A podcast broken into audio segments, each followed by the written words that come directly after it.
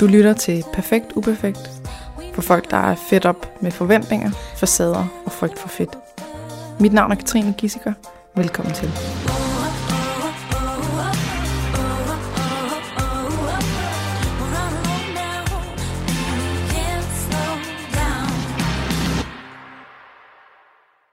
Anders Nedergaard. Er vi i gang nu? Ja, vi er i gang. Tak fordi at du vil komme ind og øh, snakke lidt med mig i dag. Tak. Øhm, jeg, jeg skal nok komme lidt mere ind på, hvad, hvad den her podcast handler om, og hvorfor at jeg har valgt lige præcis dig. Øhm, og hvis nu, at, øh, at du skulle introducere dig selv, så ville du normalt sige, at du har en Ph.D. i muskelbiologi og bliver kaldt Dr. Muskel.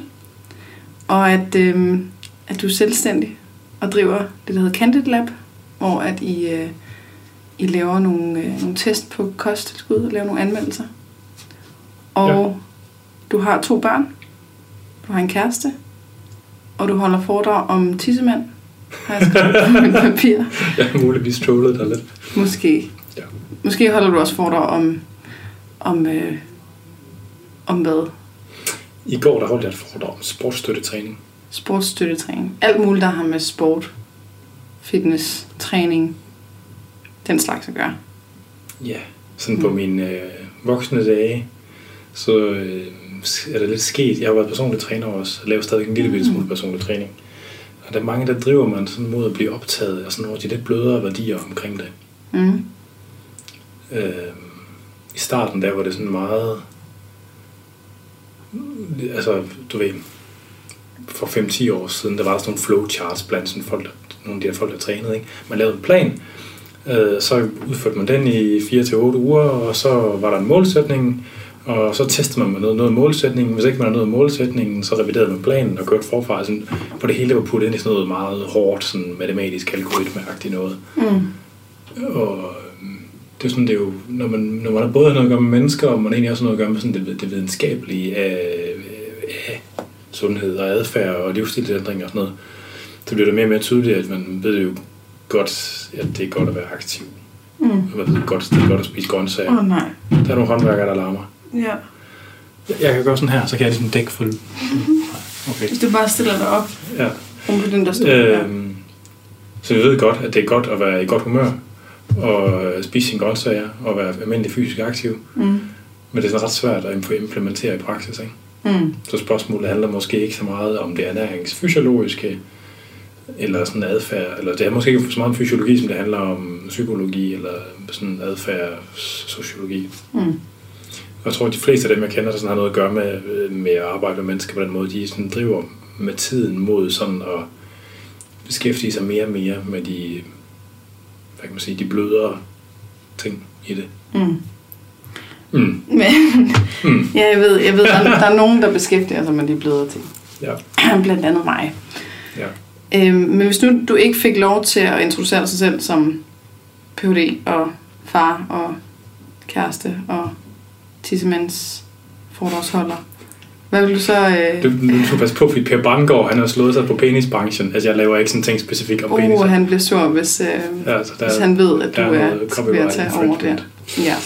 Ja. Sorry. Øhm, hvad vil du så introducere dig som? Hvordan vil du fortælle om dig selv, hvis du ikke må bruge nogle af de her ord? Øh, hvad for nogle af ordene præcis? Hvad du laver, altså du er selvstændig og din uddannelse, og International Man of Mystery. er du... Nej. Okay. øhm, Hvad vil du ja. fortælle om dig selv, som er... Siger noget om, hvem du er. Jeg, altså, jeg er virkelig ked af, hvis der er øhm, en masse larm. Det, vi troede, han ville være færdig by now. Vores håndværker, der har lavet radiator. Øhm, det er sgu et godt spørgsmål. Øhm, jeg har sådan i mange år haft sådan en, og specielt som ung, haft sådan en nørdeidentitet, ikke? Mm. Har spillet rollespil og masser af computer og nørd. Og rollespil er ikke sådan noget, hvor man klæder sig ud og går ud i Ikke sådan skoven. noget klæde ud rollespil. Fy, det har jeg også gjort en lille smule, faktisk. Ja. Ja. Men det er sådan noget, hvor man er vi med i historier. Adderbader, det er sådan nogle teaterhystader, den kan vi ikke lide. Ja, det skal måske også sige, du er også lidt skamløs. Ja. Du er sådan en, der, du er lidt ligeglad med, hvad andre tænker. ja. Øhm, det er lettere på den måde. Ja. Øhm, så jeg har haft sådan en nørdeidentitet, ikke? Mm. Øhm, kan godt lide japanske tegnefilm og tegneserier og alt, all that jazz. Mm. Øhm, Og du er voksen voksen, har jeg hørt nogen sige. øhm, ja. Nej, men det, jamen, det ved jeg ikke. Altså, det er jo sådan, det er jo sådan mærkeligt, det der, altså min omgangs... Hvad kan man sige, den, i den tid, jeg, var, jeg har været, arbejdet som videnskabsmand, ikke? Altså, jeg har været ansat som forsker, Mm. både i det offentlige og i det private. Og der kan man sige, så længe jeg har været i gang med det, der har, min, der har jeg jo ligesom arbejdet sammen med folk på min egen alder. Mm. Og nu sidder jeg på sådan et kontor til daglig med nogen, der er 10 år, 10-20 år yngre end mig selv, ikke? Mm. Og det er jo sådan noget mærkeligt noget, ikke? Fordi det er jo ikke, det er jo ikke nødvendigvis mig, der, den, den der opfører, altid opfører sig mest modent i alle situationer. Det er det ikke. Nej. Nå, okay. Kan du give et eksempel? Øh, nej tak. Nå. det bliver et stort fedt nej tak herfra. Nej, tak. Nå, Øh, men altså, jeg, jeg er meget optaget af, af vores sådan, samtid, og den måde, man går og tænker på, og den måde, vi taler om vores verden på. Mm. Jeg har, øh, jeg har hyret dig ind her i dag. Nej, det har jeg ikke. Du er her on your own free time. Jeg har øh, jeg spurgt, om du vil være med, fordi at noget af det, jeg oplever rigtig meget hos, øh, hos dem, der følger med hos mig, det er en kæmpe forvirring omkring, hvad er skidt og kanel i forhold til det her med ernæring. Og jeg synes egentlig, det kunne være rigtig spændende at, øh, at, at lære at få, sådan, så det ikke er mig, der står for skud, men det er dig. At du kan sige, at det er sådan her, det hænger sammen i forhold til, hvad vi ved. Øhm, og, øh, og måske kunne punktere nogle myter og så videre. Men jeg er, også, jeg er også lidt bange for, at det bliver lidt kedeligt. Altså så, Nej! Nej! Det kunne godt lidt blive, og det er slet ikke fordi, jeg siger, at du er kedelig. Men, men, men, men det kan bare ret hurtigt blive sådan et, et tørt emne, ikke? Så det er, det er ikke det jeg tænker, det er, at hvis nu, at, øh, at vi snakker om den vigtigste af dem alle sammen, nemlig kulhydrat, Er det den vigtigste? det oplever jeg. Ja. Det er i hvert fald den, jeg helst vil, øh, vil have sat nogle ord på, fordi at jeg oplever rigtig mange være kulhydrat forskrækket, og ikke så meget fedt forskrækket længere. Men det her med, at øh, kulhydrat skulle være særlig fedende, og at øh, man tager på, og man kan ikke, øh, man kan ikke have et vægttab med kulhydrater, øh, eller at det er dårligt eller usundt, eller hvad det kan være. Den kunne jeg fald rigtig godt tænke mig, at vi snakkede om. Øhm, og så tænker jeg lidt, at selvfølgelig, hvis vi når det, at, at tage nogle, nogle flere ting, men, øhm, men om, man, om man kunne sådan smide nogle ting ind undervejs, der er lidt sjovere, end det tørre, kedelige videnskab. Det finder vi ud af. Videnskab, det er ikke Det tørt er og ikke tørt og kedeligt. Nej. Nej, undskyld. Øhm, de fleste, jeg arbejder med, vil jo gerne tabe sig. Ja. Og øh, rigtig mange af dem, jeg arbejder med, er et sted, hvor de har fundet ud af, at, øh, at vægttab ikke handler om viden og om ernæring, men som handler om psyken. Og at det handler om at finde ud af, hvorfor, hvorfor er det, overspiser, frem for, at jeg skal have nogle flere forbud og restriktioner for mig selv. Ikke? Øhm, og der er også en masse, som føler, at de her tanker om mad, især regler for, hvad man må spise og hvad man ikke må spise. Påbud, forbud, restriktioner. Alle sådan nogle tanker omkring, hvornår må man spise, hvad må man spise, hvor meget må man spise af hvad, hvilken sammensætning skal det være, hvem må se, jeg spiser. Øh, du ser virkelig uinteresseret ud. Nej. Din negl.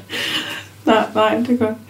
Øhm, så jeg tænkte, at, øh, at i Der hvert fald den... jeg har haft handsker på, og så det var bare det. Okay, super. Hvis nu, at man kunne snakke lidt om, i hvert fald de øh, regler, stop, Okay. de regler, vi har, mange har, Ja. i forhold til kulhydrat. Ja. Ja. Det er sådan, det er, når jeg holder foredrag, så kan jeg nogle gange spørge ud, hvad for nogle har, regler har I for jer selv? Og så er der, øh, der er næsten altid en, der siger, ingen kulhydrater. Eller så lidt kulhydrater som muligt. Og den prøver jeg ligesom at udspecificere og sige, hvad, hvad er det for nogle fødevaregrupper, der er inden for det? Sådan så man kan gå ind og arbejde lidt mere målrettet med, hvad er det for nogle ting, der forstyrrer mest af de her forbud. Så det her med, at kulhydrater skulle være særligt fedende. Hvad har du at sige om det? Ja. Og det fik fat i det hele på ikke? Ej. Øh, øhm, Ja, altså det man tager på af, det er jo energioverskud. What? Yes. Det er der nogen, der siger, at det handler slet ikke om det. Det handler om, at du får af din energi fra kulhydrater, ja. og ikke fra protein. øhm, og det er jo, altså det, hele den der kulhydratforskrækkelses bevægelse har en masse forskellige, øh, hvad skal man kalde det, interessenter. Mm. Og der findes en masse forskellige øh,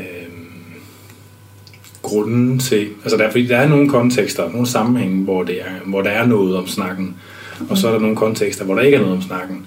Og på en eller anden måde, så bliver det også ofte blandet ind i sådan noget næsten konspirationsagtigt, øh, sådan, altså det, det, det at abonnere på kulhydratforskrækkelse, ikke? og øh, tro, at insulin det er bare det onde, og sådan, det, hænger, det er sådan, altså for, for nogen, der smager det helt af sådan noget konspirationsagtigt noget, ikke? Mm. Og det er enormt vel. Hvis man kigger sådan på, der er jo lavet studier, hvor man har kigget på, hvordan folk taber sig, om de er, altså med forskellige fordelinger af makronæringsstoffer. Mm. Og makronæringsstoffer, det er protein, fedt, Og kulhydrat. kulhydrat og alkohol. Ja. Og man ser på, altså, øh, der er selvfølgelig mange forskellige studier, de har ikke altid de samme fund, og man skal passe på med at hænge sig på et enkelt studie. Øh, inden for rammerne af ikke til ketogen kost, altså en kost, hvis, det? hvis man kommer ned og få under en 50-100 gram kulhydrater per dag, så vil man begynde at glide over i det, der hedder ketose, så man også kommer over i, når man faster. Så den tager vi lige bagefter. Det er en anden ja. Den historie for sig selv. Ikke? Okay. Men så længe man øh, ikke går i ketose, så ser det ud til, at det ikke rigtig gør nogen forskel på, mm, hverken hvor hurtigt man taber sig, eller hvor holdbar ens vægttab er, Mm. om man får 20% eller 60% af sin energi fra kulhydrater. Det ser Mm. simpelthen ikke ud til at være væsentligt. Nej. Hvis man kigger på ketosekost, så viser nogle af studierne i hvert fald, at man faktisk taber sig hurtigere med ketosediæter.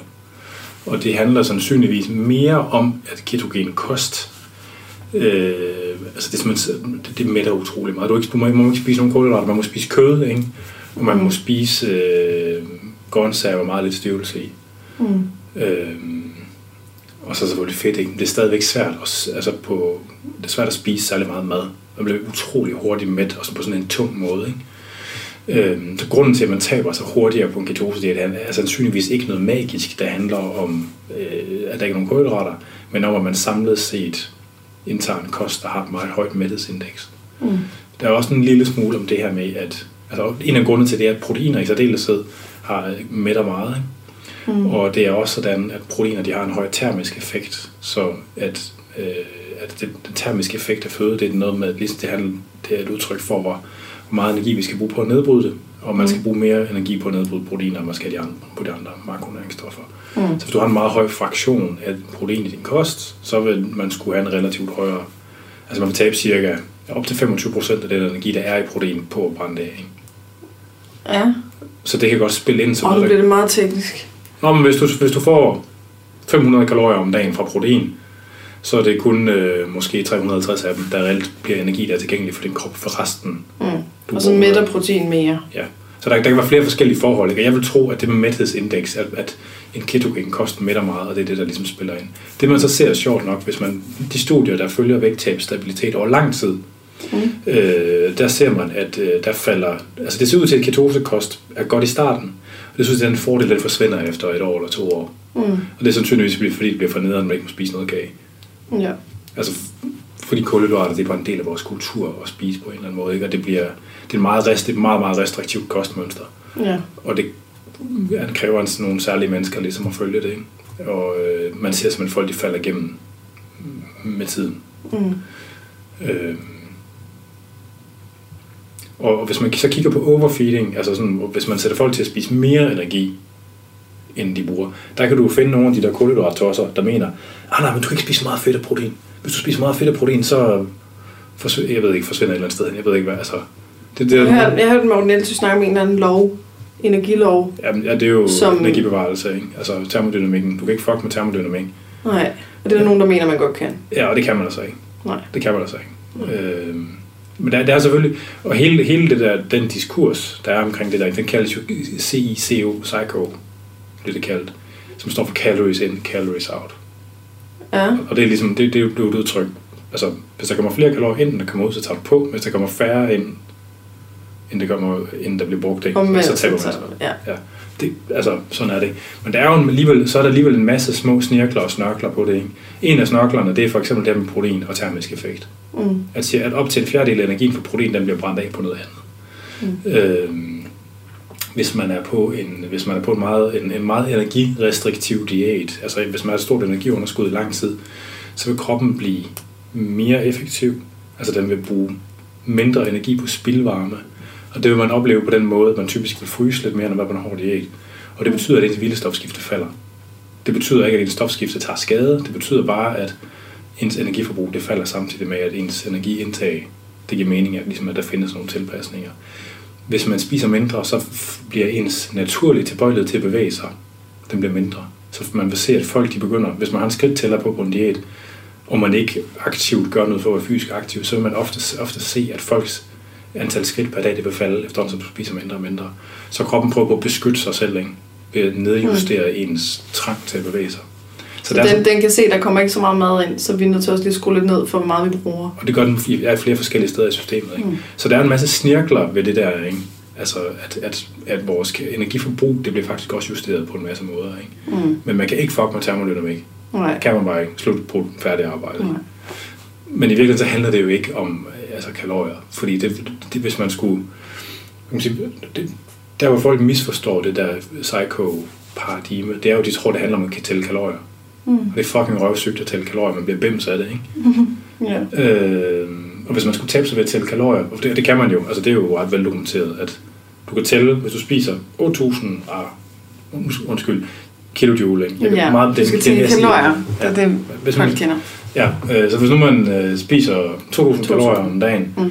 og man er vækstabil, så hvis man begynder at spise 1.800 kalorier om dagen, så vil man begynde at tabe sig, indtil man når til et sted, hvor man ikke taber sig længere. Sådan er det ligesom. Ikke? Mm.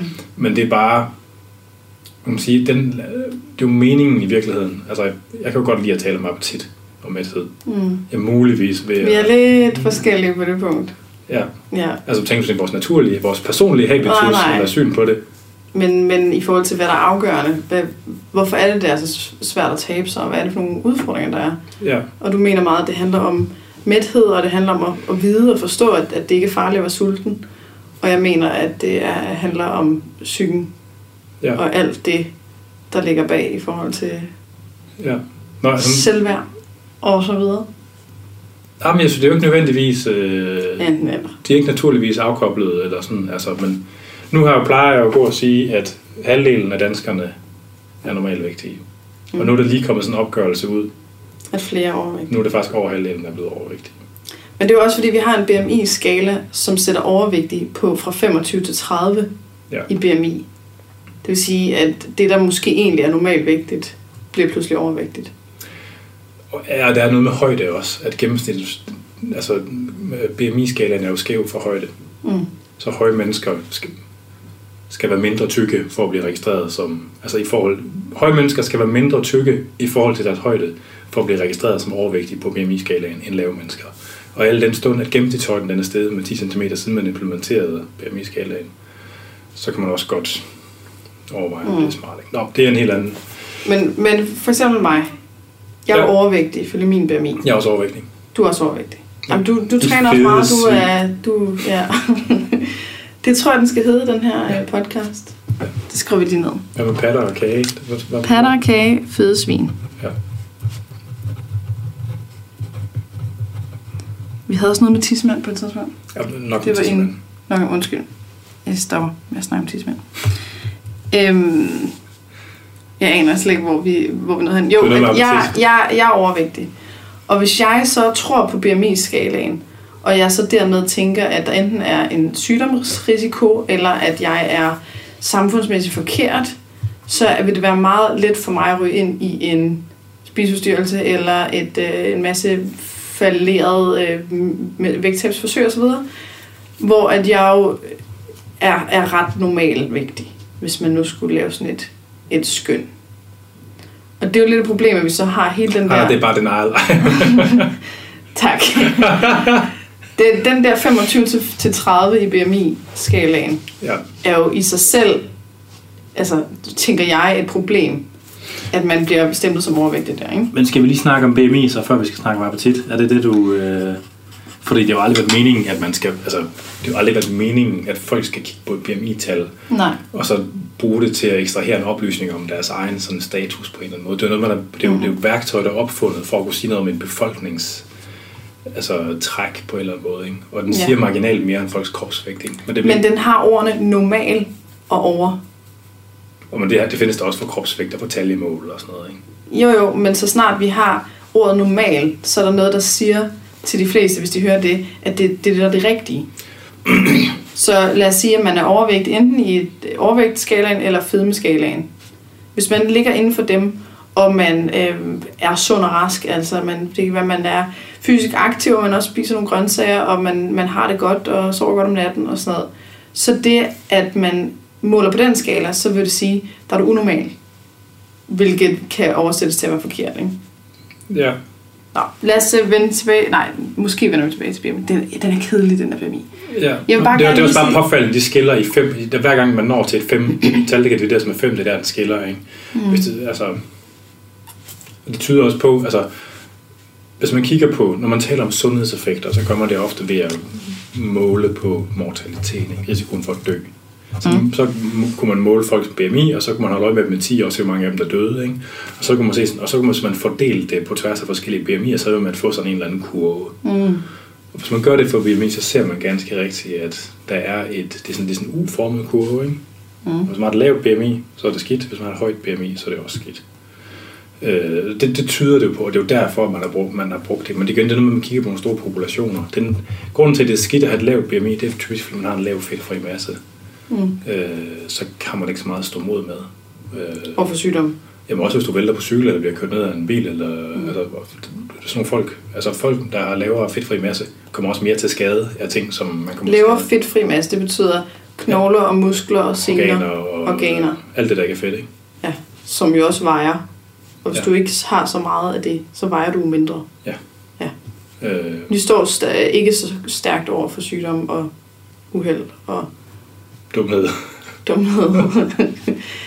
Drikke sig fuld og vælge på cyklen eller Ingen nævnt, et ingen eller andet. Mm. Ja. Ja. Øh, Men- men, nu vil jeg gerne lige have noget på plads her, ikke? For nu siger Ja. du, det er ikke godt at være undervægtig, det er ikke godt at være overvægtig. Men man skal være meget overvægtig for det skidt. Yes, det er den, jeg vil have fat i. Ja. Fordi der er jo en, øh, der er en, en generel tro på, at det at være overvægtig er lige med at være usund. Ja. Den kunne jeg jo rigtig godt tænke mig. Jeg har fået lidt hjælp af dig tidligere til at finde ud af, hvad siger studierne om det her. Og der, der fortalte du mig, at du gennemgik nogle studier, som har samlet alle de store studier. Hvad er det? Der, der, er, to, der er to studie, studier, der ligger øverst i hier, hierarkiet af evidens. Hvad er det, de hedder? Altså, metaanalyser, det er det. Meta-analyser, og hvad er den anden? Systematiske reviews. Reviews, yes. Og Ikke- ikke reviews, nogle- bare systematiske Nej, reviews. Der systematisk, forskel. system, ja, undskyld. Øhm, og det er simpelthen nogle studier, som tager alle de studier, der er blevet lavet på området, og samler for at sige, hvad kan vi så samlet set sige. Ja. Er det rigtigt Så forstået? de samler op på et. De samler op. Så det, man kan sige, det er dem, hvor vi, hvis de er blevet lavet, så kan det være noget, der er så tæt på, hvad vi ved, eller sandheden. Eller Så fakta, så når viden, når viden når et niveau, hvor det er noget, der er, altså er etableret på metaanalyse-niveau, så er det typisk det niveau, hvor det går over i lærebøgerne. Ikke? Yes. Øh, Og der viste du mig, at det både var, at man skulle over en BMI på 30, for at der var en lettere øget risiko. ja, måske endda 35. Ikke? Altså man kan jo diskutere Måske endda 35. Ja. 30 eller 35, det vil sige i hvert fald ikke 25 til 30. Og det er sådan en relativt begrænset effekter stadigvæk. Ikke? Altså, Mm. mm. Det gør en større forskel, uden lige at kunne tallene fuldstændig sådan, uh, off the top of my head. Ikke? Det gør nok en større forskel, om man spiser sin grøntsag eller ej. Altså spiser de her 600 gram, der er foreskrevet. 6 gram frugt og grønt. Ja, ja undskyld, jeg frugt og godt, ja. ja øh, det gør nok en større forskel, end om du har et BMI på 25 eller 35. Prøv at sige det igen. Det gør nok en større forskel, om man får, sin, får det stærkt godt. Det, det gennemsnitlige Ja. danskerne får 300 i stedet for 600 gram. Ikke? Ja. Den effekt, det vil have på ens risiko for at dø over de næste 20 år, ikke? vil sandsynligvis være større end Hvis du har effekten af... På 35 end på 25. Ja, det vil sige- den, den, det er den slags størrelse over, man snakker om. Ikke? Men vil sige, hvis man har en BMI på 25 til 30, så er der ikke nogen øget risiko for, at øh, blive syg eller dø af din overvægt. Som en gennemsnitsbetragtning, ja. Ja. Hvis du så har en BMI på over 30 eller over 35, Altså begynder det lige så så begynder der at komme, men den risiko er ikke så stor, som mange tror. Nej, nej, Der er nej. mange, der tror, at hvis, de, hvis man er overvægtig, eller man har en BMI på 25, 30, 30 til 35 eller over, så er man usund. Ja, men det er jo også sådan, at den der uformede kurve, som der er, altså sammenhængen mellem risikoen for at dø og, BMI, Mm. den kravler lige så stille op af BMI, jo ældre man bliver. Ja. Øh, så det er nok, altså det, er- det er nok, øh, så der er så bunden af kurven, ligesom det, det, det, der skulle være den optimale BMI, ikke, kravler opad. Og nu kan jeg ikke huske præcis, hvor der bunden ligger, ikke? men det vil nok ligge på måske 28 eller sådan noget, når man man, når, man bliver 50, 60, 70 år. ikke? ja. Så har du også noget at stå imod med i forhold til at være sengeliggende og øh, dysfagi, det der synkebesvær og mindre appetit og All that jazz. all that jazz. Ja. Nå, men Jazz? det er... Ej, det jeg sgu her. All that jazz. Øhm, Nej. joke. Det er, det er simpelthen så røvsygt et øh, område at øh, snakke om. Men det er en vigtig I ting. mit univers, så det er ret fint, at vi lige får nogle, øh, nogle patter og jizz ind. Men det, jeg gerne vil nå frem til, det er det, der vi fandt ud af med de der studier, at der er en lille smule øget risiko for sygdom og død ved en BMI på over 30. Ja, Men ikke meget. meget lidt. Det er meget, meget lidt. Og at den lille bitte risiko, den kan kompenseres for ved at være aktiv. Ja. Ved at være fysisk aktiv. Så hvis man, ja, så hvis man justerer for fitnessniveau, Ja. så forsvinder effekten af at være overvægtig helt op til svær overvægt. Ja. Men, og, man, og virkeligheden, altså der er jo en sammenhæng imellem at være overvægtig og ikke være særlig fysisk aktiv. Ja, ja. Og det bliver Den ofte er jeg med på. Ja, Det er jeg nå, med nå, på. men nå, det, det, er bare, det er en vigtig pointe, det her. Mm. Så er Jo der tungere mange- man er, jo sværere er det sjov. Ja, lige præcis. Der er mange, der tænker, at om, han er jo fed, fordi han ikke, ikke rører sig. Mm. Det er altså også, øh, det går også en anden vej. Det er fandme nede med nederen at skulle flytte sig rundt, hvis man... På at forestille dig skulle have en vægtvest på 30 kilo, Mm. som du skulle gå rundt med en hel dag. Mm. Jeg tror nok, der var nogle elevatorer, øh, der blev brugt lidt mere, og nogle rulletrapper og en bil. Og sådan. Altså, det må fandme være 19 at skulle slæbe rundt på så meget ekstra hele tiden. Ikke? Ja. Og, øh, så, så man, kunne godt, man kunne godt vælge at tale om den primære usundhedseffekt af at være overvægtig, Mm. som den, at den gør det bare meget mere udfordrende at skulle være almindelig fysisk aktiv. Mm. Og den almindelige fysiske aktivitet, det der med at gå ned til købmanden og tilbage igen og tage trappen i stedet for rulletrappen og cykle i stedet for at tage bussen, det betyder faktisk væsentligt mere for vores almindelige sundhed, end folk går og tror. Det betyder faktisk rigtig meget. Mm. Øh, og, den, bliver- og, det, og det indskrænkes hos folk, der har alt for meget ekstra at slæbe rundt på. Mm. Og Men det er jo klart, hvis, hvis, hvis det at altså bare at, at tage på arbejde og de der almindelige ting, hvis det kræver så meget ekstra, så er de ressourcer brugt, som en normalvægtig måske har, efter at have været en dag på arbejde. Ja, så bliver man I og med, at man ikke, du har ikke slæbt rundt på lige så meget. og få ondt i sin knæ. Det gør man jo også. Altså, Men det er, det er den, jeg gerne vil, vil prøve at gøre fuldstændig klart. Og det er ikke kun mig, der siger det. Det er, det det er dig, som har gennemgået de her, øh, det, det forskning, som tager alt det forskning, der er lavet. Så det, det er så tæt på viden, som jeg overhovedet kommer, ikke? Ja, ja, du, du du, kigger bare så mærkeligt på mig. Det var, ja. Nå nej, det er fordi, hvis du lige forestiller dig, man som lytter sidder her og siger, øh, hvad, undskyld, jeg, jeg troede lige, I sagde, at det ikke var usundt at være overvægtig. Ja. Eller at, øh, at, at det ikke er, er farligt, og at, øh, at man godt kan være sund som overvægtig. Det kan Og man det, det er netop det, jeg gerne vil have frem. Det er, at vores, vores viden omkring overvægt, det vi så kommer så tæt på viden og fakta som overhovedet muligt, siger, at vi skal op på en BMI over 30, måske endda helt op på 35, over 35, for at der bare er en lille smule risiko for, at man bliver syg af sin overvægt. Ja, og man skal også, i virkeligheden skal man måske lade være med at hænge sig i de der sundhedseffekter og ting. Prøv at tænke på, hvor... Jamen det, det synes jeg, vi skal lige nu. Okay. okay. Fordi det, jeg oplever værende det hovedargumentet for, hvorfor det skulle være negativt. Hvorfor tyk, ordet tyk skulle være negativt. Hvorfor at man øhm, hvorfor at alle snakker om det at tage på eller være tyk som altid noget dårligt og noget negativt. Hvis nogen siger, du ser tyk ud, så er det fandme nogle idioter. Hold kæft, hvor er det nogle klaphatter at sige det til dig. Hey, what, wait. Så betyder det, at vi har fortolket ordet tyk som Wait. er noget negativt. Nej, undskyld. Dårlig pun. Sorry. Ej, Ja. hold nu kæft. Men det, det er det, som jeg oplever værende det største problem, eller i hvert fald et af de rigtig store problemer inden for det her med overspisning, det er frygt for at være usund. Ja. Angsten for at være usund, hvis vi skal være helt korrekt i termen. Angsten for at være usund får mange mennesker til at spise meget mere, end de har brug for. Det vil sige for mange mennesker til at tage på og at øge hele den der stress omkring, at jeg gør det forkert, øh, jeg er forkert, jeg ser forkert ud, jeg er usund, jeg er, jeg er doven, jeg er svag, jeg er et dårligt menneske, bla bla bla. Det vil sige, at blandt andet det, at vi ikke ved bedre, at vi simpelthen ikke har forstået, at det der med, det at være overvægtig, er lige med det at være usund, at det er simpelthen decideret forkert. Den tror jeg er rigtig, rigtig vigtig at få kommunikeret ud. Ikke kun fra mig. Fordi Jo. jeg er fortaler for, at man gerne må være overvægtig, og jeg, hele min kamp handler om at slippe al den der skam og shaming og stigmatisering osv. Så, så f- for alle kan de se på mig og sige, ja, jamen det skal du også sige, eller sådan, selvfølgelig mener du det, og selvfølgelig siger du, at forskningen siger det. Så nu er jeg hævet dig ind, fordi du er ikke biased i det her, vel? Du går meget op i den der forskerstolthed, der handler om, at man ikke vælger specifikke studier, der lige øh, øh, passer med, hvad man selv synes, eller tror, eller ens verdensbillede. Ikke? Mm. Du går op i, at det, du kalder epistemologi, Ja. det er ikke dig, der kalder det, det ved jeg godt. Men hvad er det, der skal til for, at vi kan sige, at vi ved noget? Ja. Og der vil jeg, fordi at jeg øh, på ingen måde har den der forskerstolthed, fordi jeg ikke er forsker, eller hvad det kan være. Nej, jeg vil, jeg vil til hver en tid sige, hvis der var et studie, der viste, at, øh, at øh, det at, øh, at overspise ikke er et rationelt valg, eller at det at kigge på ernæring ikke hjælper til vægttab, eller hvad der nu kan passe ind i mit verdensbillede, så vil jeg tage det for gode varer.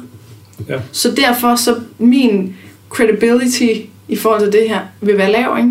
Men vil du i virkeligheden også, altså du vil jo gerne finde ud af, hvad virkeligheden er, og du vil gerne, Nej, vil du ikke det? det tror jeg simpelthen ikke på, jeg gerne vil. jeg tror, jeg har... Du gerne Jeg vil, folk? jeg vil, hvis der kommer et studie, der hedder, at det er meget vigtigt ikke at spise kulhydrat, hvis du vil tabe dig, Ja. så vil jeg se bort fra det. Og jeg ved godt det her, hvor, og jeg kan se det på dine øjne, at du tænker, "Rrr, det kan simpelthen ikke passe. Men du siger, du gerne vil hjælpe folk også, ikke? Jo, Så hvis du ender med at gå og sige noget, der, det, dem, der hvis, hvis det viser sig imod al forventning af 10 år, at om 10 år man fandt ud af, Nå, det handler faktisk alt sammen om kulhydrat. Alt det andet, det er fucking lige meget. Det handler kun om kulhydrat. så Men vil du så fortsætte, selvom det er jeg- forkert, det du gjorde? jeg vil, jeg vil simpelthen, ifølge mit eget verdensbillede, det ligger så langt væk, at det vil være fuldstændig som at sige, at øhm, det er faktisk en god ting at slå sine børn. Ja. Det kan godt være, at man så, jamen studier viser, at det virkelig er en, en rigtig positiv ting at slå sine børn, at kalde dem alle mulige skidt ting. Ja. Det vil være rigtig godt for dem. De små svin. Sådan så, at de små svin bare kan, kan altså, Kan lære det, ikke? Ja. så vil jeg jo tænke, jeg vil aldrig nogensinde sige, nå for satan, satan øh, nå, det er simpelthen det forskning viser, men så må jeg nok hellere begynde at få nogle børn og slå dem. Så må jeg købe debat. Altså, det, det, det vil jeg aldrig gøre. Det var, det kunne godt være, vi fandt ud af om 10 år, det var at måske det lidt lavet et eksempel, virkelig er... Jeg, altså, jeg er, jeg er så fast i min overbevisning omkring, at det her med overvægt på ingen måde handler om ernæring. Jeg mener faktisk tværtimod, jo mere vi fokuserer på ernæring, jo værre bliver det. Ja. alt det her med at blive introduceret for, at noget er bedre at spise end andet. Øh, kalorietælling, øh, alt det her med, at, øh, hvor meget mæthed har protein, og øh, er der noget væske i forhold til kulhydrat osv. Jeg mener generelt, at det vil være at lege med ilden, hvis du gerne vil tabe dig, og du gerne vil holde vægten bagefter. Ikke? Ja. Der er vi nødt til at gå ind og arbejde med at sørge for, at mad bare er mad. Og at mad ikke er en kontrolleret, øh, rationel øh, ting, og at det heller ikke er en, øh, en måde at cope med følelser på, og alt sådan noget. Hvad er det, Må du jeg, må, jeg hive dig, må jeg hive dig tilbage igen? Er jeg kommet ud af et spor? Ja. Nå. Øhm, men det er jo påfaldende, det der. Altså, det eksempel, du valgte, det var jo et ret ladet eksempel. Ja, det mener du. Hvis man går i en anden kultur, så mener jeg, det er meget, meget, øh, meget vigtigt at slå sine børn, ikke? nu er vi i den, nu er vi i den her diskurs, det her paradigme, den Nå, her okay. ikke? Altså, hvor du, har valgt, hvor du har valgt et eksempel, der var meget negativt, ikke? Du siger, du gerne vil hjælpe folk, Mm. og så må det være vigtigt, hvad virkeligheden er. Så du så finder ud af, at det, som du troede var virkeligheden, det tyder sgu på, at det ikke var virkeligt. Det var forkert. Mm. Så ved jeg godt, at det, det rigtige svar for dig vil være, at jeg siger, selvfølgelig vil jeg, øh, hvad hedder det inden for kognitiv dissonans, justere justere. Ja. Selvfølgelig vil jeg acceptere og, og, og sige ja til det. Men det er jo ikke det, der er sandheden. Og skal jeg være helt ærlig, og jeg ved godt, du kan ikke have det. Nej, jeg kan ikke have Jeg det. ved det godt. Med de ting, der handler om for eksempel, hvor, øh, Du skal lade det simre, så hvor kommer det til dig. usundt, hvor usundt det er at være overvægtig. ikke? Ja. Der vil jeg mene, at, at det at, at få at vide, at det er usundt, eller du er usund, at det i sig selv har en skadende effekt, at vi bliver mere usund af det.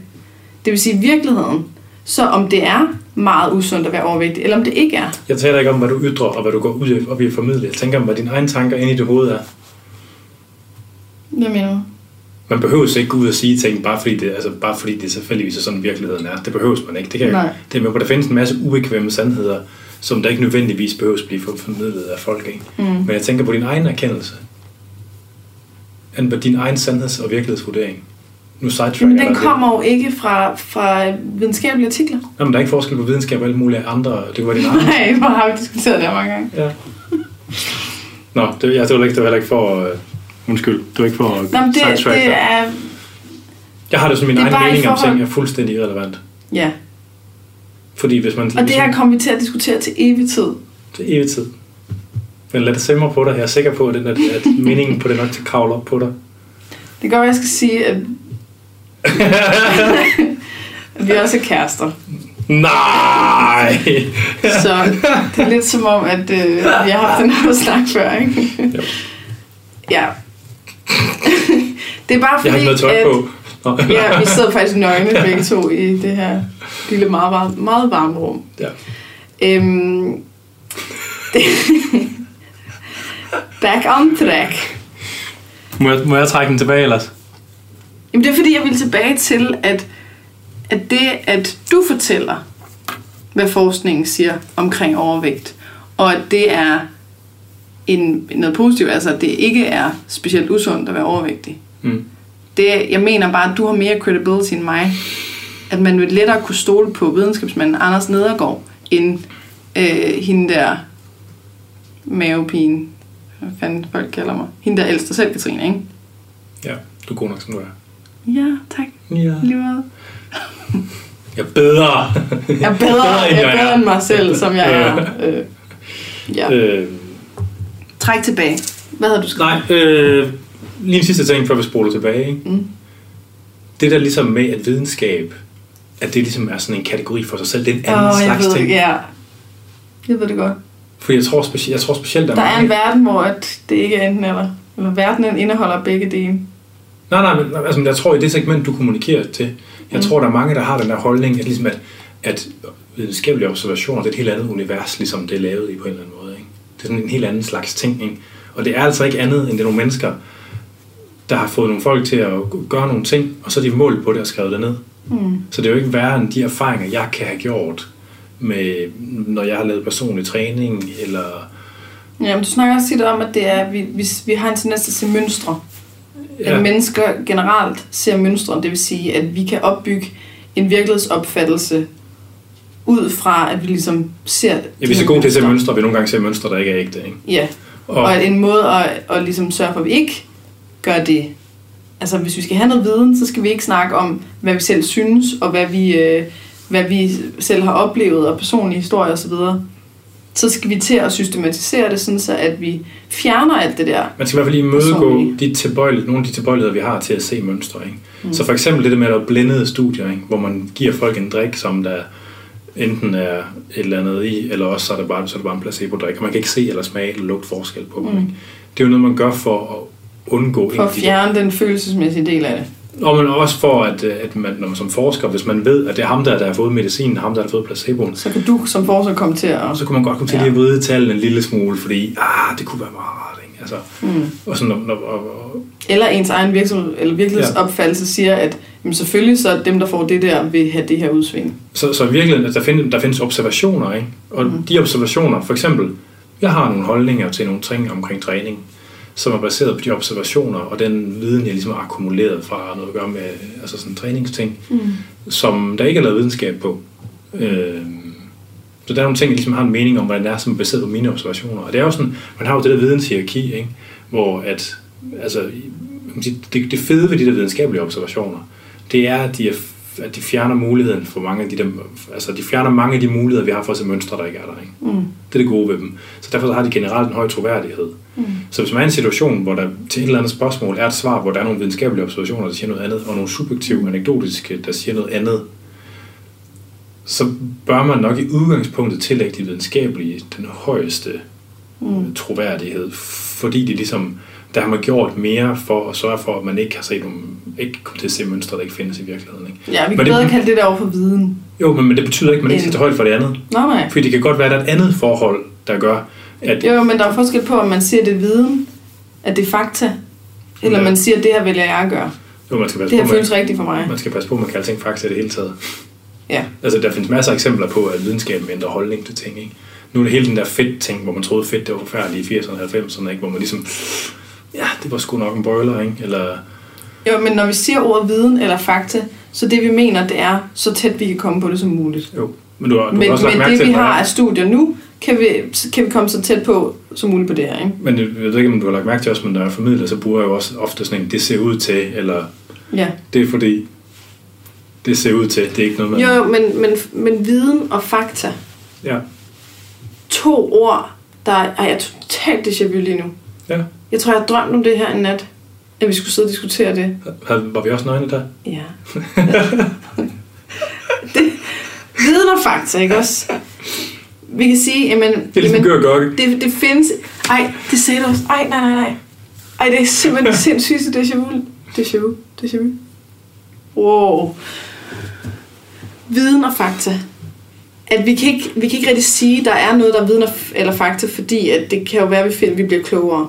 Ja. Men det betyder, at det er jo nogle menneskeskabte ord. Det vil sige, viden og fakta må betyde det tætteste, vi kan komme på det. Ja. Så der er jo forskel på, om man siger decideret faktuelt, kulhydrat er dårligt, kulhydrat er fedende. Mm. Eller om man siger, øhm, jeg kan mærke på mig, at jeg har en tendens til at spise mere, hvis jeg spiser øh, kulhydrat, eller, eller der er nogle bestemte trigger foods, eller, eller andet, derfor vil jeg lade være med at spise det i mit forsøg på at tabe mig. Hvor at det, det, det er der, hvor vi har lavet nogle undersøgelser omkring det, det er det, der har højst. Ja. Altså sådan troværdigt. Men en del af den der kulhydratforskrækkelse, der kører nu, det tror jeg også er sådan noget kickback fra fedtforskrækkelsesperioden. Ikke? Mm. Giv den 5-10 år, så skal det nok, så finder vi nye ting. Har vi så protein på skrækkelse? Jeg tror jeg måske, det er animalske produkter. Ja. Det kunne jeg meget lidt forestille mig. Ja, det, nu har jeg, kan jeg huske, hvad jeg har skrevet ned. Øhm, Det var alt, jeg skulle have sagt bare- før, som jeg glemte. Ja. Nu har jeg glemt det. Og jeg har bare virkelig brug for at, at sådan, få det helt klart, det der med, at det er ikke specielt usundt at være overvægtig. Nej, men det er det ikke. Jo Meget større mere. du er, jo, min, jo sværere bliver det at dyrke motion. Det vil sige, jo større er risikoen for, at du ikke dyrker det. Jamen, jeg vil ikke engang, jeg, i, I virkeligheden så er jeg ikke særlig glad for det der motionsbegreb. Jeg vil heller ikke tale om fysisk aktivitet. Okay, hvad er forskellen? Fordi motion sætter fysisk aktivitet ind i en ramme, hvor man tager ud, og så går man i fitness, Nå, hvor og så at, går man øh, til. At det at motionere er målet, formålet, Ja, på en måde. frem for Altså, at bevæge sig. ja, altså fordi den almindelige fysiske aktivitet, den tæller bare en del. Den tæller meget.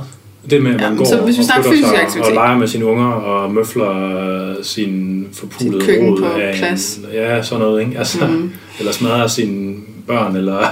Ja. Hvis man slår sine børn, så får man noget, noget træning i ja, sin det er god træning at tæve børn. Altså, det er jo, det er jo fysisk aktivitet, Ja. kan man sige. Øhm, og det der ligesom med, at man skal tage ud og træne, man skal ud og dyrke motion for det nok, det er faktisk en måde at tale sætte det kropsligt på, som jeg ikke er så stor fan af. Nej, men hvis vi nu snakker fysisk aktivitet så. Ja.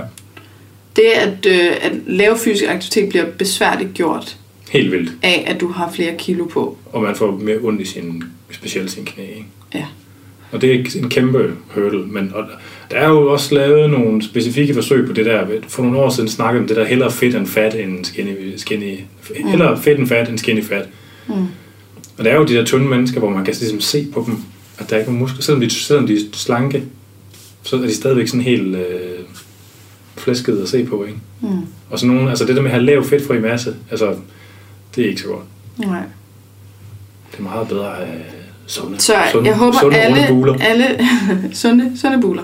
Ja. Ja. Sunde runde. Vi skal have sunde runde. Curvy. Ej, øhm, det, det, det er bare fordi, jeg håber, at, øh, at alle derude, der sidder og enten øh, synes, at de er overvægtige ifølge BMI, eller at, øh, at man føler sig stor, eller altså, at hvis der er noget som helst, der handler om, at du er bange for usund, enten i forhold til, at du er bange for at få sygdomme, du er bange for at øh, ikke at kunne være der, når dine børn bliver voksne, du er bange for at dø for tidligt, øh, alt sådan noget. Eller hele den anden dimension, som jeg faktisk oplever er større. Det er ikke sikkert, den er det, Hvad er men det jeg oplever, den anden dimension, som handler om frygten for at være forkert. Ja. At det at være usund er skamfuldt, det er forkert, det er illeset, det er, øhm, at man har frelægget sig ansvaret, at man er doven, at man er svag. Alle de her ting. Så uanset hvad, om det er den ene eller den anden, eller begge to, så håber jeg, at du er helt med på nu, at det ikke er usundt at være overvægtig. Ja. Det er usundt at være Inaktiv. inaktiv. Og nu, nu og, prøver være, og jeg... være ekstremt fed, selvfølgelig også. Ikke? Altså, Ja, men det, er, noget andet. men så er man højst sandsynligt også inaktiv.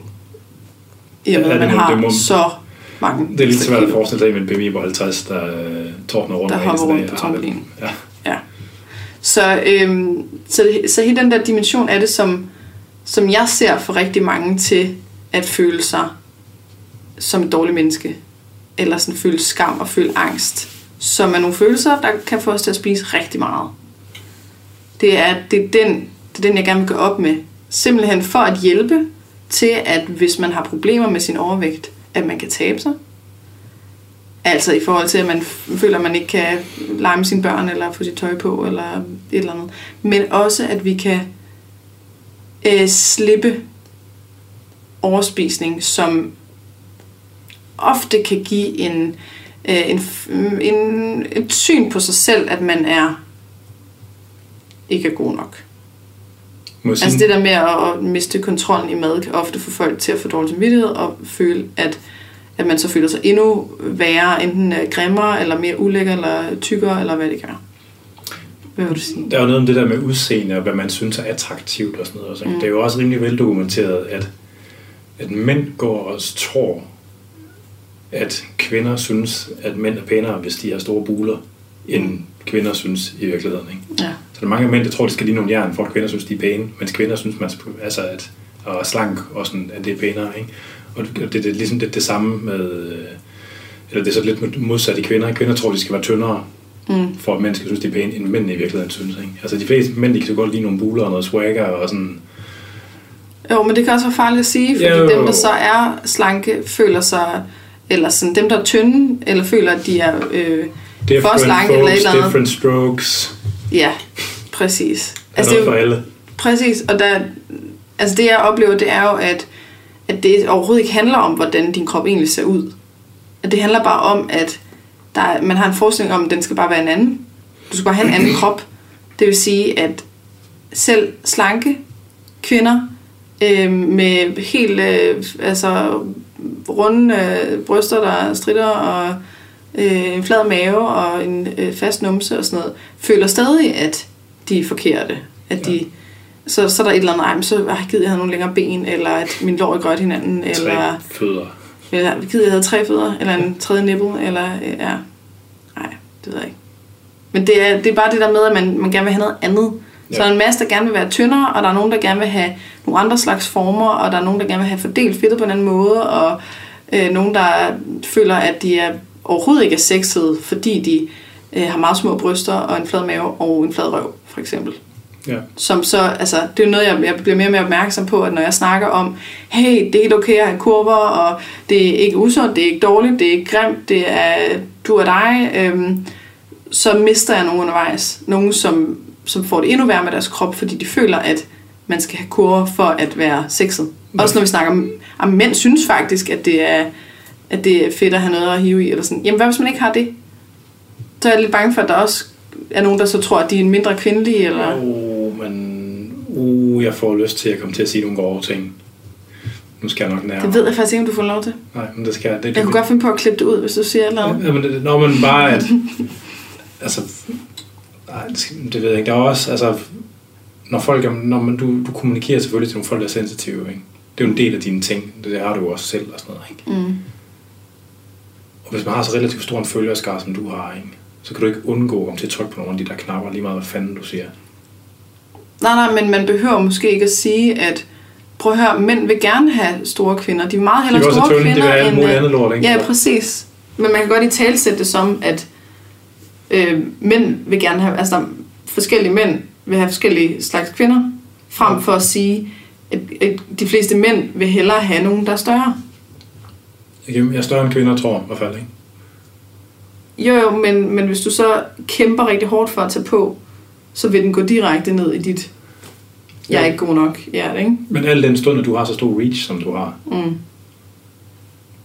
så kan du ikke undgå, at du kommer til at trykke på nogle knapper, ikke? Så handler det Nej, det ved jeg godt, eller- men jeg kan godt gøre en indsats Ja, for at, øh, at prøve at være inkluderende for alle, og at jeg ikke kommer til at hjælpe til, at det her med at have former, eller at være større, eller sådan, at det bliver et nyt ideal, eller noget, der kan få nogen til at føle sig utilstrækkelige. ikke? ja. Ja. Yes. Ja. Jeg vil bare gerne lige tilbage til noget low carb, fordi at jeg ved, at Det var der... jo en lang afstikker, faktisk. Det Ja. var en utrolig lang afstikker. Jamen, vi har, der, Må det er ikke en afstikker, det? det er bare løs snak. Ja, Det har jeg sagt. Den der undersøgelse, som om danskernes sundhed og overvægt, der lige er kommet ud, ikke, som der er fulgt rigtig meget i dagspressen, og diverse øh, social media feeds her de sidste par dage, har jo afsted kommet sådan en masse debat om, hvorfor er det nu, at folk er tykke. Og der er sådan en personlig træner, jeg kender fra Skodsborg af, som straks var ude og snakke om Gary Taubes, hov, undskyld, jeg sidder og fidler med fingrene, øh, som straks var ude og smide noget Gary Taubes, han er en af de der de kendteste karbofober. Mm. Øh, og så var der noget debat der, Morten Elsøger med, jeg var også inde. Ikke? Og, sådan, og, og bare fordi, at der er flere, der er blevet tykke, end der har været før, så er det ikke det samme som, der er frit slag til at vælge en eller anden fuldstændig arbitrær forklaringsmodel. Og en pointe, som jeg gerne vil slå igennem igen og igen og igen. Når folk kommer med en simpel og konkret løsning, Så er det bullshit. forklaring eller løs og, Bullshit. og eller løsning Bullshit. På et komplekst og multifaktuelt problem, ikke? så er det, betyder det to ting. Ignore. Den ene ting, den er, at de tager fejl, og den anden ting er, at de prøver på at sælge et eller andet. Mm. Øh, Eller prøve på at få ret, eller gøre nogen kede af det, eller øh, føle sig øh, klog, eller føle sig godt tilpas. nu skal du ikke komme og ødelægge de der to fine punkter med alt det der bagl. Altså. Der er, der er noget mere. Der er noget magt, og der er noget øh, prestige, Jo, jo. og der er nogle penge. jo. De vil gerne vinde et eller andet. Ikke? Ja. Øh, og, det, og det er komplekst og multifaktorielt, og vi har skabt et samfund, hvor øh, vi ved, at jo mere fysisk aktiv, eller i hvert fald, der, der er en mængde af fysisk, fysisk aktivitet, når man kommer under den, Seriøst, bro. bro, når man kommer under den, så får, får vi sværere ved at regulere vores appetit.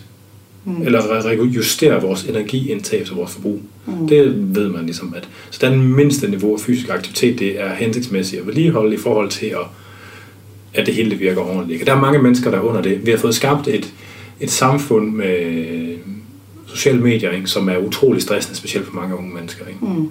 Og øh, jeg er tilbøjelig til at sige mere stressende for kvinder end for mænd. Jeg ved ikke, om det passer, men det er tilbøjelig til at tro. Øhm, vi har adgang til en masse af de hyperpalatable foods, altså ting, der er energi til og smager fucking godt og er meget tilgængelige. Ikke? Mm. Så sådan en, en, i sådan en mærkeligt sams... Og, og, og, og, og, og vi har jo arbejdsliv, som ofte er... Altså, hvis man er offentlig ansat, så bliver man fandme med pisket igennem systemet hårdt, ikke? Mm. Og øh, man skal, vi skal være på, og vi skal være pæne, og du ved, skandinaver har jo sådan ry for at være sådan... Du ved, det skal være nydeligt og god stil, det hele, ikke? Der er så mange pres Mm. på os, ikke? og vi har, det noget, vi har så der er nogle forhold omkring fysisk aktivitet og tilgængelighed af fødevarer og, og, og øh, kultur og, øh, Og kropsidealer. og krops... Nå, men det, jamen, det er jo del af kulturen. Det er del af altså, kulturen, ja. Som til sammen skaber den her problemstilling, ikke, som er svær. Ikke? Og der hvor, der hvor man kan sige, at kulhydrater måske spiller en rolle, trods alt, ikke? det er jo et, et, et hyperpalatable foods. Mm. Ting, der smager godt, og som er energi til det. Ikke? Noget af det, der er en synder i den sammenhæng, det er sgu nok sukkersødet sodavand, for eksempel. Mm. Jeg er ret sikker på, at hvis man siger, I må ikke længere sætte sodavand med sukker i, at det vil betyde temmelig meget for forekomsten af, forekomsten af overvægt i Danmark. Ikke? Mm. Og måske også alkohol i virkeligheden. Der er jo sygt meget energi i alkohol, ikke? men man må ikke tage alkohol fra folk. Det er en helt anden historie. øhm, så det er der nok et eller andet om. Ikke? Altså, så, så tilgængeligheden af de her såkaldte hyperpalatable foods er nok noget af det, der fylder meget på kosttiden. Ikke? Mm. Øhm, og, og, og heldigvis for mange mennesker, så justerer det sig ind. Så kan man øh, tage til, så bliver det jul og påske, og man kan flå de der julefrokoster og påskefrokoster igennem. Og så udjævner det sig sgu alligevel med kropsvægt sådan hen over tiden. Ikke? Øhm, men det er det bare ikke for alle. Altså, og øhm, kulhydrater indgår tit i de hyperpalatable foods. Mm. Og det gør fedt nu også. Altså det er ikke sådan, at det gør sukker, og det gør salt, og så videre. Ikke? Så på Mm. den måde spiller det en rolle. Ikke? Men så er det bare vigtigt, at man taler om, det er det, og ikke fordi det er kulhydrater som sådan. Ikke? Ja, for det er jo det, der, der bliver et problem, det er, at, hvis, man, hvis man siger, at det er kulhydrat, så bliver det, at man ikke må spise kulhydrat, det bliver en del af manges øh, hverdag, og det vil sige nogle regler, som er sindssygt svære, som tager en hel masse sunde fødevarer og rigtig gode fødevarer i forhold til øh, både til, at man bliver ordentligt mæt, og at det er nemt i et liv, og altså alt sådan noget med rugbrød og øh, og havregryn og Altså, øhm, frugt og alle sådan nogle ting. En ting er det, at vi fjerner en hel masse, men en anden ting er også, at når det så bliver forbudt, at det bliver for det første endnu mere spændende. Det kan skabe trodsreaktion, så vi spiser mere af det. Men vigtigst af alt, så kan det skabe, at der er regler, vi bryder. At vi gør noget, der føles forkert, fordi vi har besluttet os for, at vi skal gøre noget andet. Og det skaber følelsen af angst omkring, nu, nu, gør- nu gør jeg noget forkert, derfor så er jeg også forkert. Mm. Og hvis der er noget, vi spiser rigtig, rigtig meget på, når vi snakker følelsesmæssig spisning, så er det angst. Alt, hvad der handler om stressen i at være forkert. At, øh, at jeg har gjort noget forkert, jeg ser forkert ud, øh, jeg, jeg kan ikke nok, øh, Tror du, det jeg burde alt muligt. Det er i hvert fald med dem, jeg arbejder med.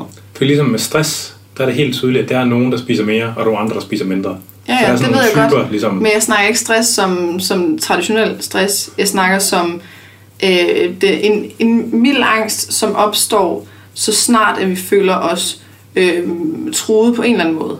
jo, min, min, det, det er vel... Det var bare lige Hvis vi, hvis vi, bliver, hvis vi bliver stressramte, Ja, altså sygemeldt med stress, så er der for nogen, hvor vi lukker fuldstændig af. Vi kan ikke mærke noget sult og mæthed, og det betyder, at vi ikke spiser mindre, og dermed taber vi os. mm, For andre, så bliver maden det eneste tryghed, vi kan finde i det her meget, meget utrygge stress. Sådan så vi spiser endnu mere og bliver mindre fysisk aktive. Ja. Så det at skabe mere angst, vil for rigtig mange vedkommende, i hvert fald hvis de, hvis de kender til at spise mere på følelser, vil gøre, at man spiser endnu mere og tager endnu mere på. Ja. Og når man så tager på, og vi ligesom har en konsensus om, at det er forkert at tage på, eller der er fødevarer, der er forkert at spise, så bliver det endnu værre. Det vil sige, at det er sådan en nedadgående spiral af, at man kan overspise, og så kan man skille sig selv ud, og så kan man overspise mere, fordi det er så hammerende ubehageligt at få skældt ud. Så vi prøver at finde tryghed i maden, og så skiller vi os selv ud, og så går det ligesom værre og værre, ikke? Ja. Så hele den der, at vi har indstillet et samfund til, at for det første, det er ret besværligt at være fysisk aktiv. Hvorfor smiler du der? Ikke, noget, ikke nogen særlig Nå. Du har ikke noget tøj på. Nå, nå, det er fordi, jeg er nøgen. Undskyld. Øhm, det at, at være fysisk aktiv, det er noget, der kræver noget af os. Vi har fået computer, vi har fået arbejde, hvor vi sidder ned, vi, øh, vi har fået vaskemaskiner, vi har fået biler. Et helt sådan samfund, der er fyldt med de inaktive løsninger. Jo. Altså æder med svært. Hvis jeg, hvis jeg skal have et job, hvor jeg er fysisk aktiv på mit job, hvad for en job skal jeg så have?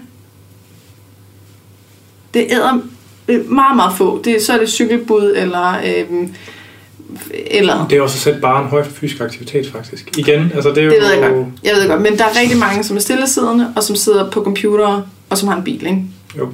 Det vil sige, at den den nemme tilgængelige løsning, er ret inaktiv. Ja, ja, og, og malighed er ikke... Øh, malighed er skidt for mennesker. Både fysisk og psykisk. Og, Ja, men, men hvis, vi, hvis vi laver et samfund, hvor at hvis du skal gå på arbejde, fordi der er ikke andre måder at komme på arbejde på, så, går så er du fysisk aktiv. Mm. Altså, det er ligesom, hvis du skal være fysisk aktiv og gå på arbejde, så skal du vælge bilen fra, og bussen fra, og toget fra, og så videre. Så du skal gøre ret meget ekstra for det, ikke?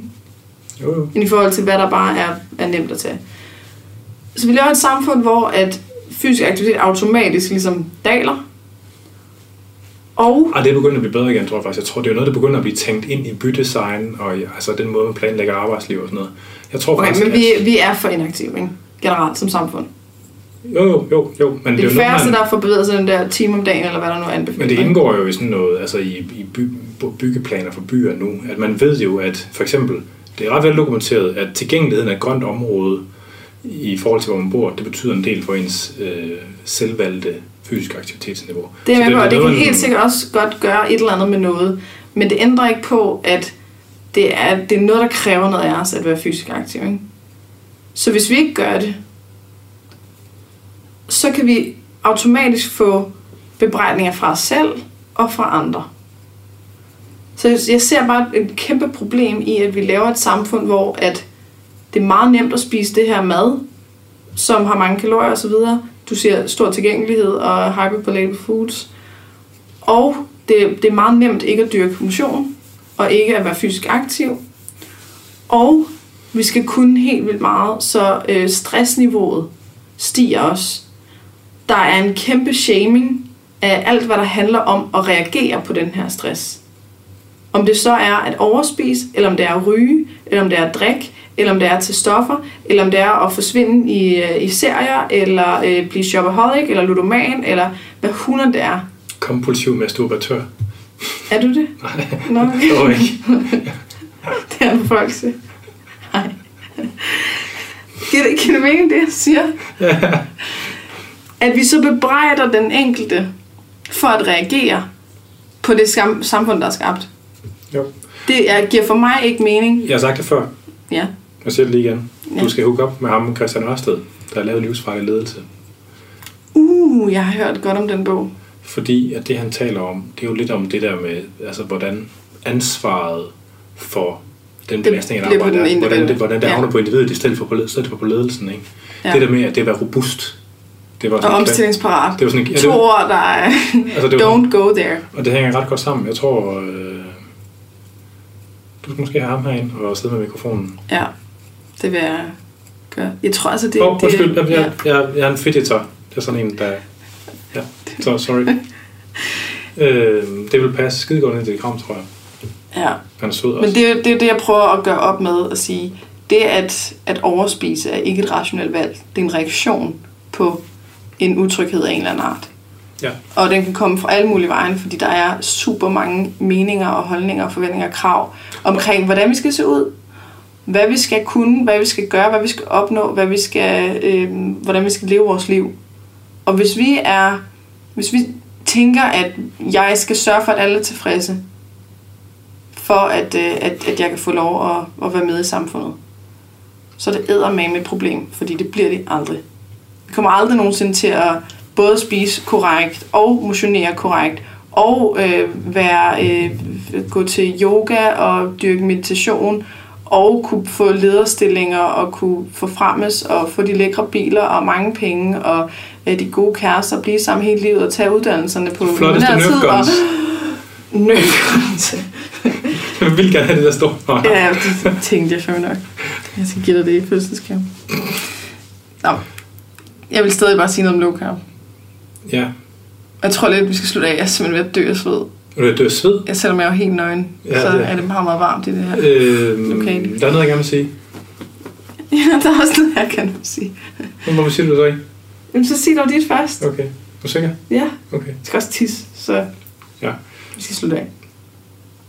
Øh, altså sådan en måde at...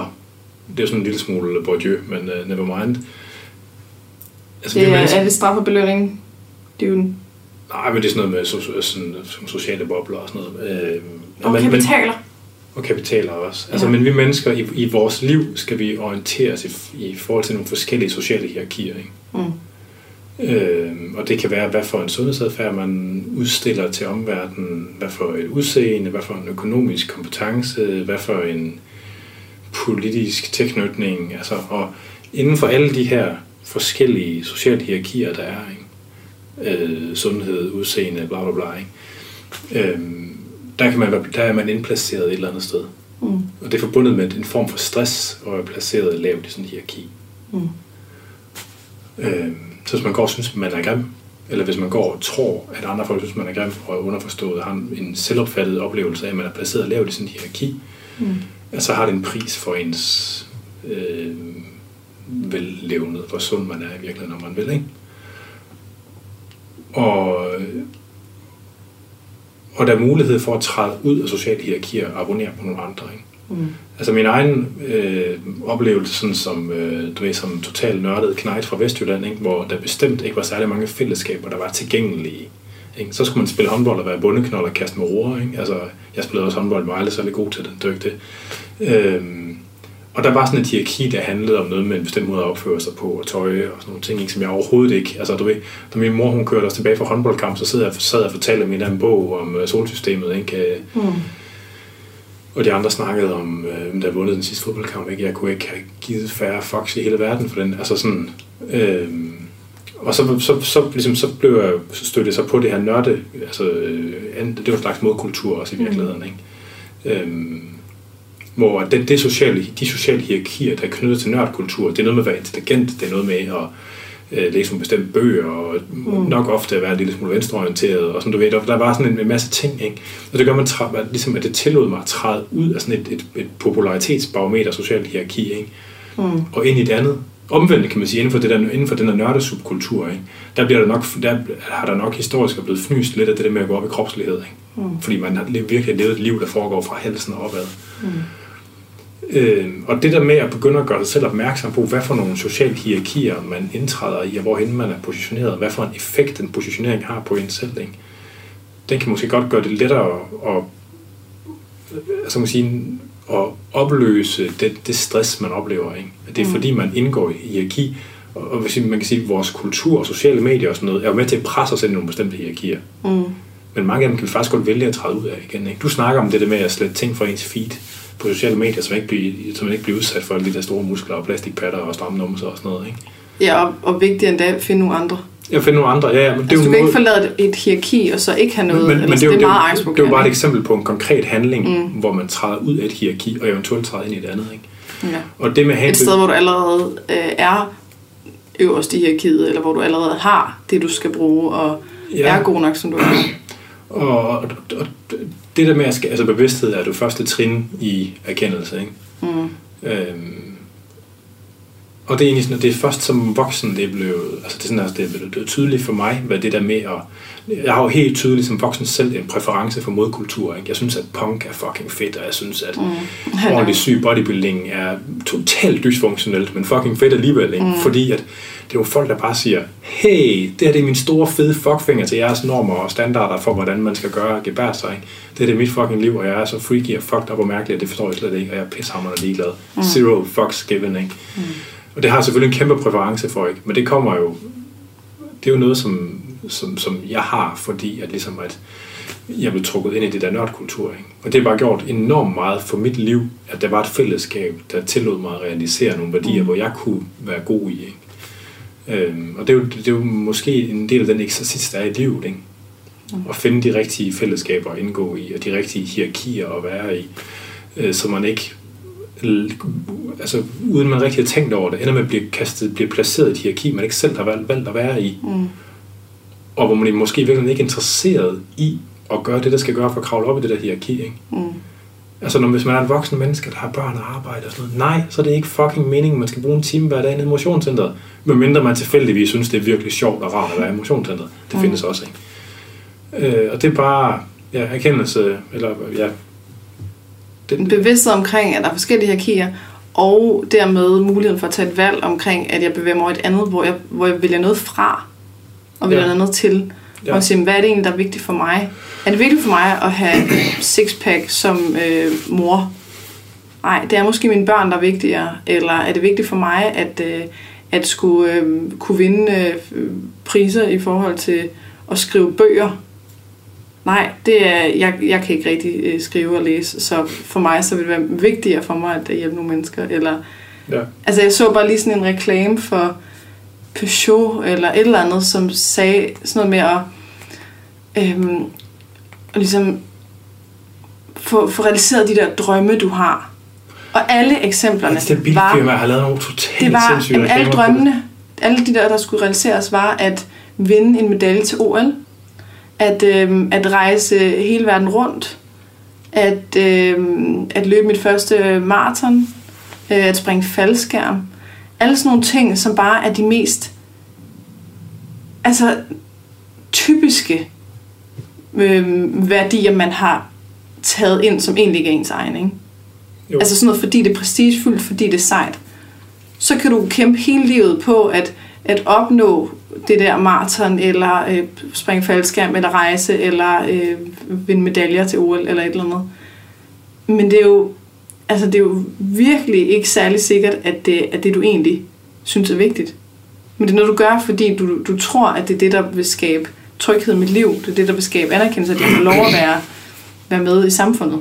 Ja. Og det er et problem, når der er så mange hierarkier, hvor vi egentlig gerne vil være øverst på dem sammen. Ja, for der er jo nok en, man kan sige, der er jo nok en eller anden grad af biologisk programmering i, at man skal være god. Altså, altså det, det er jo derfor, vi ja. har et ego på en eller anden måde. Men så er det, Men god, hvordan? Så det hedder man vægter, det de rigtige ting. Det, det, det, man kan ikke tilfredsstille alle. Nej. Så når vi har, for eksempel bare inden for det med mad, at der er nogen, der siger, at det er virkelig vigtigt, at du spiser fuldkorn. Og der er andre, der siger, at stivelsesrige kulhydrater er meget dårlige for dig. Så kan vi opleve at have begge regler i ja. vores sind. Det vil sige, at vi sikrer, at vi fejler. Ja. Der handler det om at tage et bevidst valg om, hvad er det, jeg vil lytte til, hvad er det, der, vil passe, der passer ind i mit liv. Ej, jeg ved ikke, vi har ikke så meget tid. Jeg du tror, bare, altså, bare gå til, så kan jeg snakke i mellemtiden. Nej, det er, vi er langt over en time nu. Nå, men prøv lige, der er noget, jeg lige gerne vil sige jo, okay. omkring det der med hyperplay. Du får altså, det sidste ord. Hyperpalatable foods, det er jo sådan et begreb, man støder på omkring det der med ligesom vores kostkultur. Så det er ting, der er søde, salte, bare som... Vi er jo i et eller andet omfang biologisk programmeret til at synes, at søde ting er bare herrenissel. Ja, det, det, det, det smager det, modermælk også af, så det skal vi gerne synes. Ja, ja. Der er ikke så meget altså, andet at spise, når du... Så der er ligesom nogle ting, vi har en eller anden grad af biologisk programmering. Og når man taler om hyperpalatable foods, så er det ofte ting, der appellerer til dem, og som ikke fordrer særlig stort tykkearbejde. Ikke? Det er sådan nogle ting, man bare lige kan få ind i munden. Modermælk. Og så kan man køre det ned. Ikke? Sødt og fedt. Lidt ja, salt. Og McDonald's. Altså, når, når pointen er, at en, en stor del af det, det, det der hedder mæthedsindex, ikke? Altså hvor meget en fødevare mætter i forhold til energiindhold, det er også en del af det her samlede palatability, mm. den her betegnelse. Ikke? Ja. Og når man er, de studier, der er lavet, hvor man har forsøgt at måle mæthedsindeks, altså hvor meget en, man sætter folk til et standardiseret måltid, ikke? så måler man, hvor meget af løg, eller kartofler, eller pasta, eller mm. spiser, hvor mange kilojoule spiser de så af det, eller kalorier spiser de af det, mm. et bestemt antal timer efter. Ikke? Og så tager man det, de spiser mest af. Og så får man sådan en mæthedsindeks scoret for det. Det tænker jeg faktisk, noget af det, der scorer højst, det er faktisk noget som rodfrugter. Ja, kartofler. Ja, kartofler, ikke? Og der er så mange, der ikke spiser kartofler. Er det tro, at det er dårligt, fordi det, der er stivelse i? Øh, så det er, altså der er, man får virkelig ikke spist særlig meget kartoffel fordi der er jo relativt meget vand i kartofler i virkeligheden. Ikke? Mm. Så det, man spiser mest af, det er faktisk vand. Lige mindre man laver kartoffelmos, så kommer man til at spise virkelig mange kartofler. Det er en anden historie. Mm. Øh, fordi at kartoffelmosen nærmer sig det der hyperpalatable noget. Ikke? Fordi man har fjernet mm. konsistensen og men alt det, det, Nå, handler, men... stadig om, det handler stadig om viden, og ja. det, er, det mener jeg ikke er nok. Hvis ah, man skal tabe sig, så er vi nødt til at arbejde med følelsesmæssig spisning. Jo. End men, of story. Men, men der er mange forskellige segmenter af folk, der har forskellige behov, og som kan, fordi der er jo nok nogen, som er overvægtige bare på grund af det samfund, og det man kalder det obesogene samfund, ikke? Ja, der er nok nogen, med stigmatisering der... omkring, at det er din egen skyld, og at du skal skamme dig over det, hvis du spiser for meget. Ja, men der er sikkert nogen, der er overvægtige kun på grund af de fysiologiske forhold, ikke? Mm. som har et helt afslappet og fint, nuanceret, lækkert forhold til deres krop og hvad de putter i hovedet og sådan noget, ikke? men som bare offrer for de fysiske omstændigheder i vores samfund. Ikke? Mm. Det er der også. Altså, jeg, jeg ved ikke, hvor mange det er sådan nogle psykologiske issues, der er på spil, og det tror jeg ikke, der er nogen, der har undersøgt rigtigt. Ikke? Men...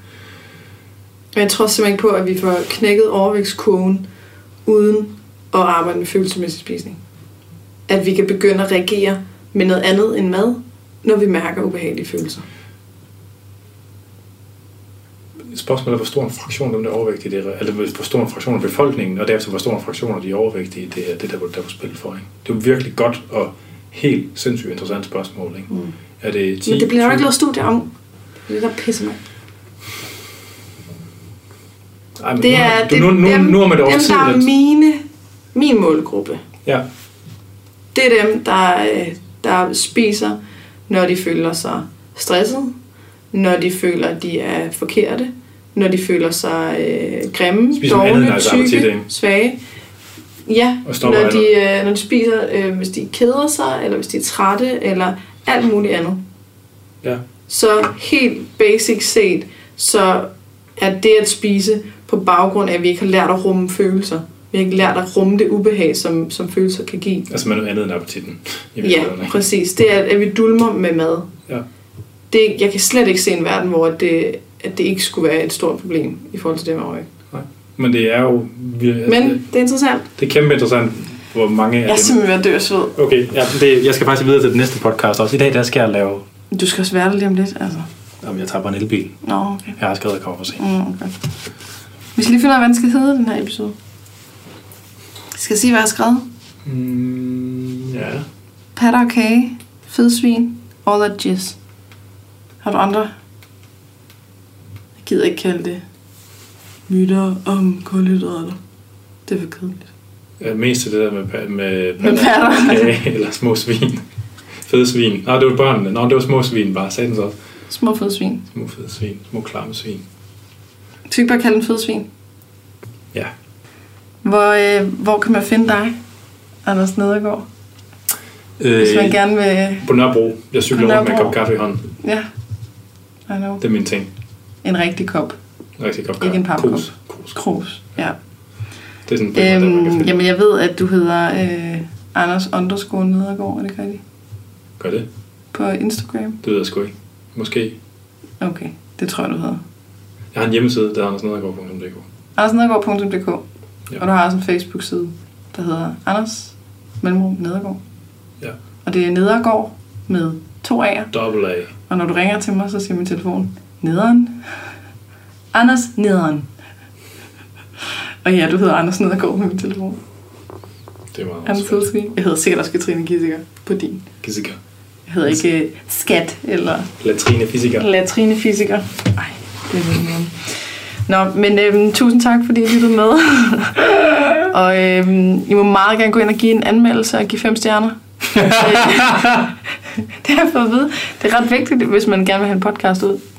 Så øhm, på forhånd tak. Og tak fordi du ville være her. Tak fordi at du lyttede med så langt. Som sagt, så hvis du har lyst til at støtte den her podcast, så gå ind på tier.dk, det er titaler.dk, og søg på Perfekt Uperfekt. Der skal du registrere dine betalingsoplysninger en gang, og så kan du vælge for eksempel at give en tier per episode, der udkommer i fremtiden. Der er også et link i beskrivelsen, hvis det er nemmere.